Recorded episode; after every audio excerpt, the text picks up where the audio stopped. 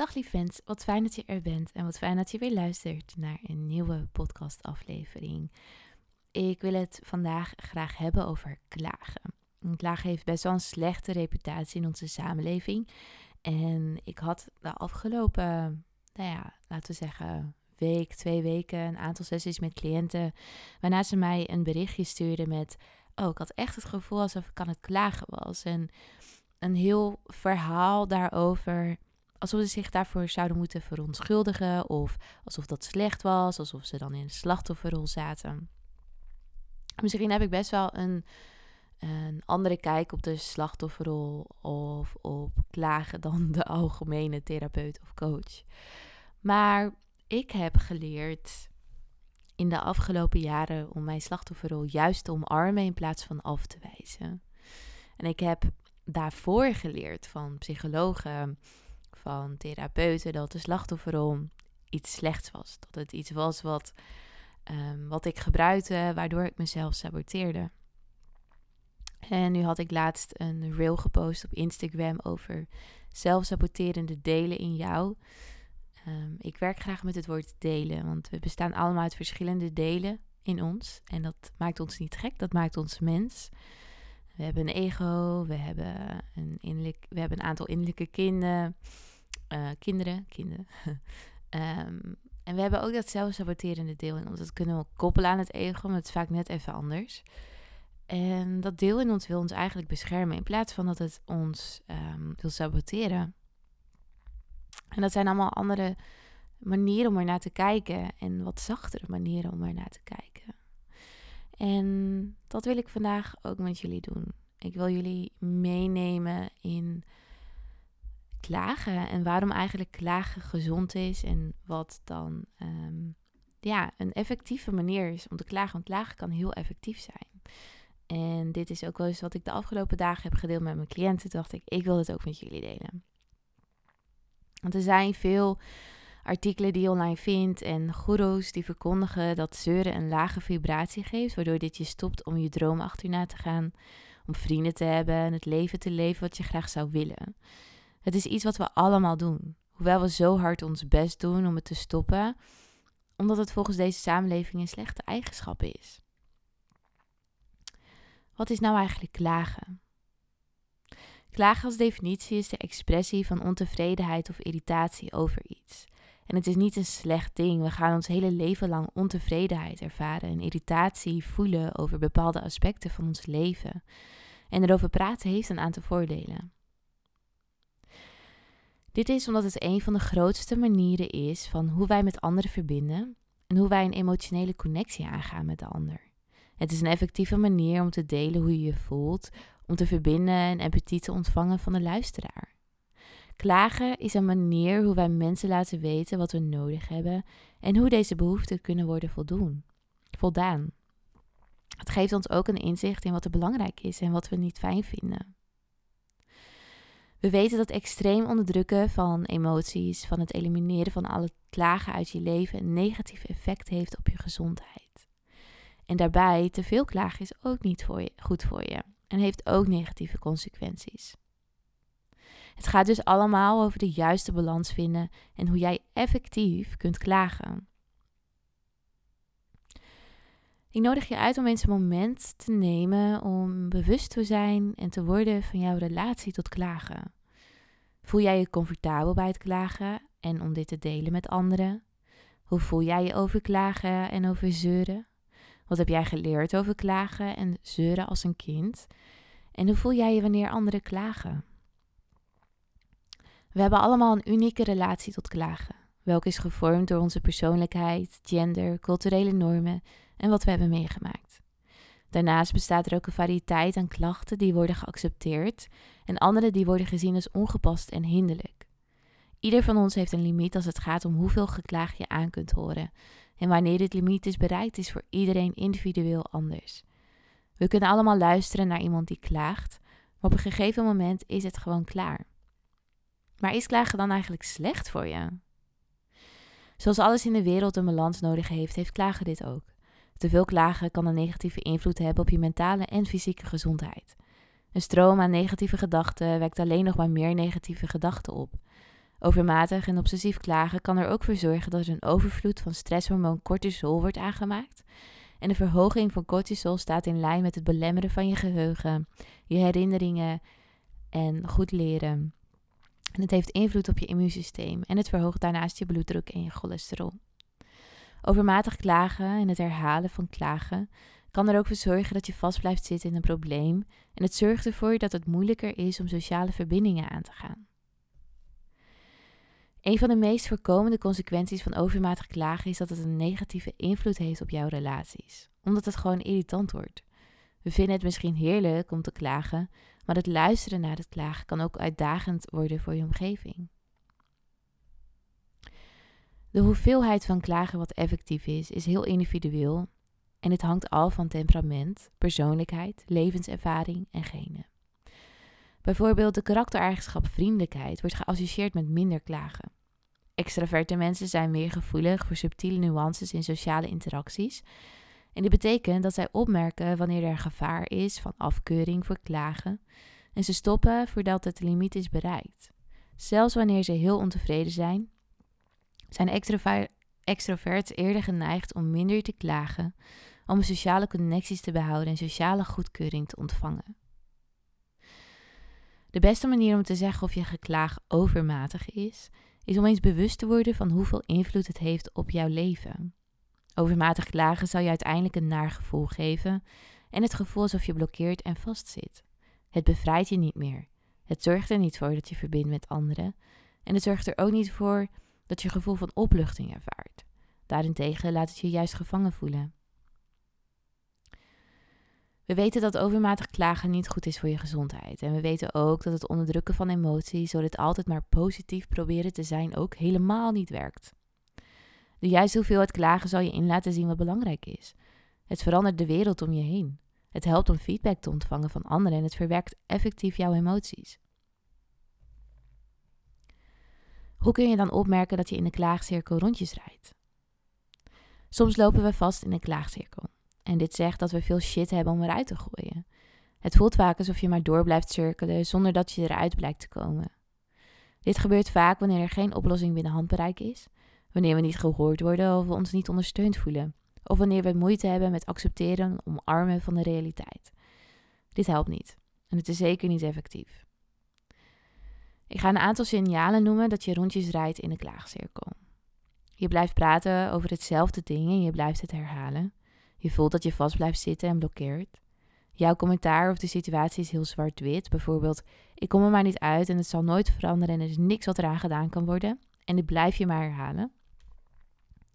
Mensen worden geïrriteerd en willen niet luisteren of delen dat je klaagt over hetzelfde de hele tijd. Het klagen leidt niet tot een opluchting of een verbinding met anderen. Het klagen voelt bijna obsessief en je voelt de cirkel continu maar doorcirkelen. Mocht je één of meerdere van deze punten opmerken, weet dan dat er een aantal tools zijn die je kunt gebruiken. Bijvoorbeeld, probeer eens te kijken naar het grijze in de situatie. Deze cirkel lijkt vaak zwart-wit en bevat vaak woorden als nooit, altijd, zal niet, gaat niet, etc. Zodra je opmerkt dat je deze taal gebruikt, probeer eens een helikopterview te creëren. Is er enige hoop of mogelijkheid hierin? Is er een mogelijkheid dat je het niet zeker weet? Misschien is er ruimte voor flexibiliteit in jouw denken of in de huidige situatie. Het woord en gebruiken kan er ook voor zorgen dat je uit deze cirkel komt. Misschien klaag je wel dat je vriend nooit naar je luistert en dit kan voor jou als waarheid voelen. En misschien is het waar dat je vriend nooit luistert. Het woord en gebruiken kan je meer kracht laten voelen. Dus je kunt iets zeggen als: Mijn vriend luistert nooit naar mij en ik heb vrienden die dit wel doen. Jezelf de ruimte geven om jezelf te valideren en echt deze klachten hebben over je vriend en dat dit pijnlijk mag voelen of misschien verandering nodig heeft. En daarbij een statement maken die jou ondersteunt waardoor de situatie iets meer flexibel wordt. Het geeft ruimte voor het goede, het niet fijne en alles wat er tussenin valt. Een aantal dingen die je kunt doen zodra je merkt dat je iemand klaagt zijn bijvoorbeeld luister en knik. Valideer de struggle van die persoon. Bijvoorbeeld zeg dit klinkt zwaar. Probeer de conversatie een andere hoek op te brengen. Probeer iets goeds te vinden. Zeg nooit dat de dingen niet zo slecht zijn als ze denken.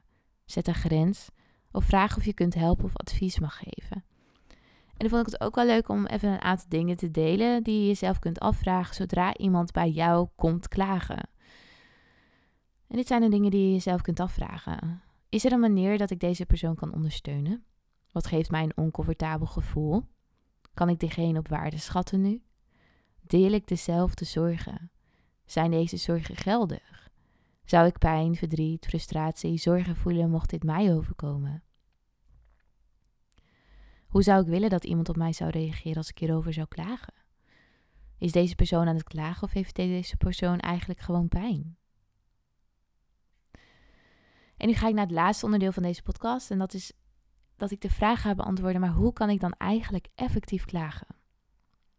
Dr. Kowalski, een prominent onderzoek over het gedrag klagen, heeft uitgevonden dat wie klaagt meer hoop creëert. En ook eigenlijk gelukkiger is. Klagen is het meest effectief wanneer de klager feiten gebruikt en logisch is. Het ideale resultaat weet en begrijpt wie de mogelijkheid heeft om het gedaan te krijgen, om te helpen of überhaupt om zichzelf te helpen. Als jij de ruimte hebt en kunt creëren om deze drie dingen te identificeren, zal je klagen veel effectiever zijn en zal het je ondersteunen in plaats van in de weg zitten en in die klaagcirkel blijven houden. Ik ga deze podcast eindigen met acht tips voor effectief klagen. Dus als je deze tips bij, bij de hand wilt houden, pak even pen en papier en schrijf ze mee. Tip 1. Word bewust van de klacht. Wat zit me in de weg? 2. Identificeer het doel. En er zijn een aantal subtips hierbij. Dus tip 1 bij identificeer het doel. Probeer je iemand bewust te maken van het doel. Wil je verandering? Wil je gehoord worden? Wil je gezien worden? Of wil je gewoon advies? Tip 3. Kies het juiste publiek. Wie kan mij hierbij helpen? Is er iemand die het begrijpt of zich in kan leven? Probeer niet altijd te klagen bij dezelfde mensen. Tip 4. Maak de beslissing of het het überhaupt waard is. Denk eens aan de problemen die belangrijk zijn voor jou en focus op klagen, maar dan een beetje in mate. Wat gebeurt er zodra ik hier niet over klaag? Tip 5. Wees bewust en geef compassie aan het deel in jou wat wil klagen, omdat je op zoek bent naar verbinding.